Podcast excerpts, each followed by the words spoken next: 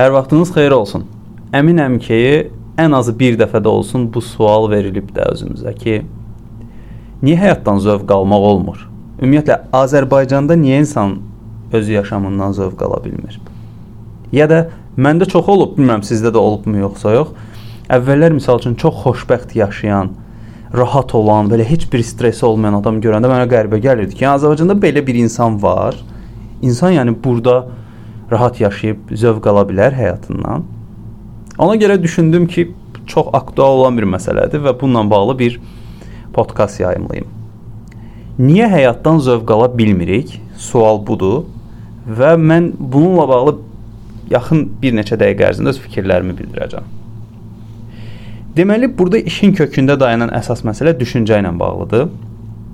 Mən düşünürəm ki, bir suala cavab verməmişdən öncə sualı ümumi şəkildə, bütöv şəkildə görmək yox, onu hissələrə ayırıb anlayışları bir-bir anlamaq daha o sualın cavabına daha dəqiqləşdirməyə səbəb olacaq. Bax məsələn, niyə həyatdan zövq ala bilmirəm? Tutaq ki, oturmusan evdə özünə bu sualı verirsən.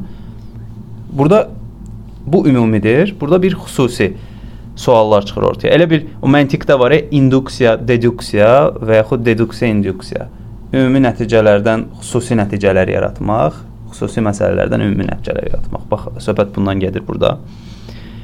Niyə həyatdan zövq ala bilmirəm sualıdırsa, burada xüsusiləşdiririk bunu. Həyat nədir? Zövq nədir? Və mən nə edirəm? 3 əsas sual çıxdı. Birinci sual: Həyat nədir? İndi burada bizə lazım olan əsas detal bu anlayışa bir obrazlı, bir fəlsəfik yanaşma, məntiqlə o rasionallıqla irrasionallığın arasında olan bir cavab tapmaq.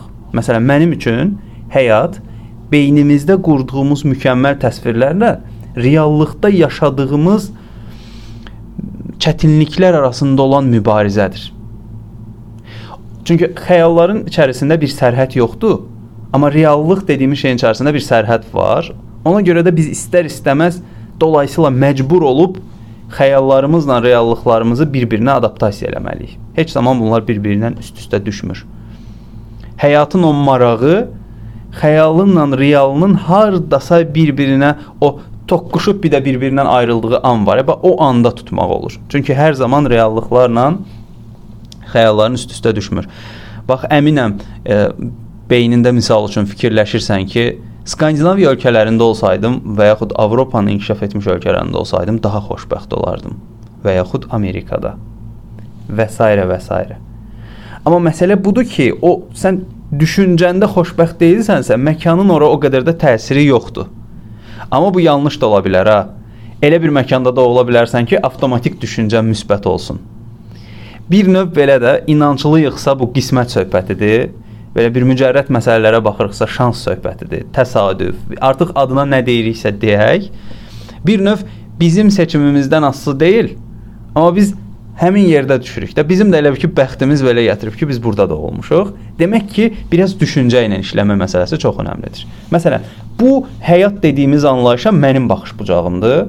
Məsələn, sizdə tamamilə başqa bir şey ola bilər ki, zaten hamıda da başqa-başqa olur və yaxud mənim düşüncəmlə də eyni düşüncəyə sahib insanlar ola bilər. Yəni burada mütləq doğru, mütləq səhv məsələsi deyil.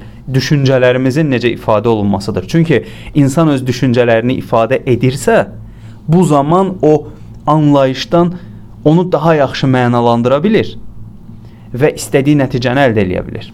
İndi keçirəm ikinci suala. Bəs zövq nədir?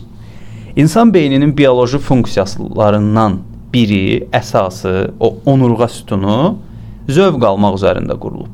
Beynimiz bir şeyi əziyyətdən qaçmaq və həzzə meylənmək mexanizmindən çalışdırır, əldə eləyir. Mən nə eləyirəmsə, insan nə eləmək istəyirsə, bunu zövq almaq üçün eləyir. Yemək yeməkdən tutmuş kiməsə lağ etməyə qədər biz nədənsə zövq almaq üçün bu şeyi eləyirik. Və bunlar tamamilə normaldır əslində. İndi məsələ nədir? Mən də zövqə belə bir cavab verdim. Həyatda da demişdim ki, beynimdə qurduğum xəyallarla ya reallıqda yaşadığım o çətinliklər arasında mübarizədir. Zövq də nə eləyirəmsə mən zövq alıram və elə bir həyat qurmalıyam ki, bu həyatdan zövq alım. Başda da demişdim, mən nə edə bilərəm? İndi 3-cü sualın cavabını veririk. Mən nə edə bilərəm? Həyat mübarizədir. Zövq aydın məsələdir ki, mən nə üçünsə zövq almalıyam və üçüncü mən nə edə bilərəm? İndi burada qəşəng bir sual. Mən zövq almaq üçün, həyatdan zövq almaq üçün nələr edə bilərəm? Başlayırıq. Mənim üçün zövq nədir? Burada bir dənə önəmli detal var. İnsanın zövqü, zövq həzz alması onun intellekti ilə düz mütənasibdir. İnsanın həzz alması onun intellekti ilə düz mütənasibdir. İntellekt nə qədər çoxdursa, həzz prosesi o qədər artır. Məsələn, insanların əksəriyyəti TikTokdan həzz alır, oradakı mübahisələrdən, fenomenlərin bir-biri ilə qırğını, hədiyyə göndərmə və s. Amma misal üçün sən bir kitabdan kitab oxuyaraq həzz ala bilərsən. Bir təlimdən, telefonda hər hansı bir məlumat oxumaqdan, sakit qalmaqdan və s. Yəni intellekt bizə həzz almağın variantlarını təklif eləyir. Biz hansını seçiriksə, ona uyğun da həzz alma prosesi yaranmış olur. Dolayısıyla bax burdakı əsas detal mənim nəsə etməyim üçün intellektimi artırmalıyam, inkişaf eləməliyəm düşüncəmi formalaşdırmalıyam ki, mənim zövq alma prosesim daha da artsın. Tutaq ki, pulun yoxdur, insanlarla münasibətin pisdir, şəxsi həyatın bərbaddır. Bunların hamısı bir düşüncə ilə bağlı olan bir məsələdir. Mən nə edə bilərəm? Bunları necə həll edə bilərəm? Çünki mənim istədiyim zövq almaqdır axı. Həyatdan zövq almaqdır axı. Mən də həyatdan necə zövq alacağımı formalaşdırmaq üçün düşüncəmi öncə formalaşdırmalıyam ki, bu məsələlər ortaya çıxa bilsin. Və biz o istədiyimiz nəticəni əldə edə bilək. Düşüncə demişkən burada bir dənə önəmli məsələyə toxunmaq istəyirəm. Çünki bu önəmli bir detaldır. Neqativ düşüncələrin çox olduğu ortamlarda pozitiv nələrinsə edilməsi biraz ertələnə bilər. Və burada sənə bir zehni güc lazım olur ki, sən onlara qalib gələsən. Bax, Azərbaycan cəmiyyətində 4 əsas bədbəxt düşüncə var. Mən düşünürəm ki, bu belədir. Birincisi, düz deyirsən, amma bu bizim ölkə üçün deyil. İkincisi, get başqa ölkədə nə istəyirsən elə burada olmaz. Üçüncüsü, bizim millət düzələn deyil vallah. Dördüncüsü, indi gəlib aparacaqlar. Əslində deyilən cümlələrdə hardasa həqiqət də tapmaq olar. Amma hardasa fikir verirsən, özünü bir daha da bədbəxtliyə çəkmiş olmursan bu düşüncələrlə. Bu bizim millət düzələn deyil. Millətin neçə milyonunu analiz elədin və bu qənaətə gəldin. Sadəcə kənardan müşahidə eləməklə bunu əldə etmək doğru deyil axı. Belə bir fikir səsləndirmək doğru deyil axı. Məsələ budur. E, yəni düşüncəndə artıq məsələləri həll eləməyə başladıkca o zövq alma prosesində ortaya çıxmış olur. Bir kitabı götürürsən, gedirsən oturursan bir kofe shopda və başlayırsan onu oxumağa. Musiqi dinləyirsən, gəzirsən, əylənirsən, bütün variantlardan istifadə edirsən ki, və bu bütün variantlar hamısı səni düşündürməyə xidmət eləyir. Və yavaş-yavaş onda hiss etməyə başlayırsan ki, hə, sən zövq ala bilirsən artıq. Sən artıq istədiyin o şeyi qura bilirsən. İstədiyin nəticələri əldə edə bilirsən. Mən şəxsi həyatımda çox asosial bir insanam amma iş həyatımda çox sosialam. Amma bu demək deyil ha, mən şəxsi həyatımda sosiallaşa bilmirəm deyə məcbur asosiallığı seçmişəm. Yox. Mən özüm seçmişəm ki, asosial olmalıyam. Çünki mən asosial olanda daha çox zövq alıram. Şəxsi həyatımdan gedir söhbət.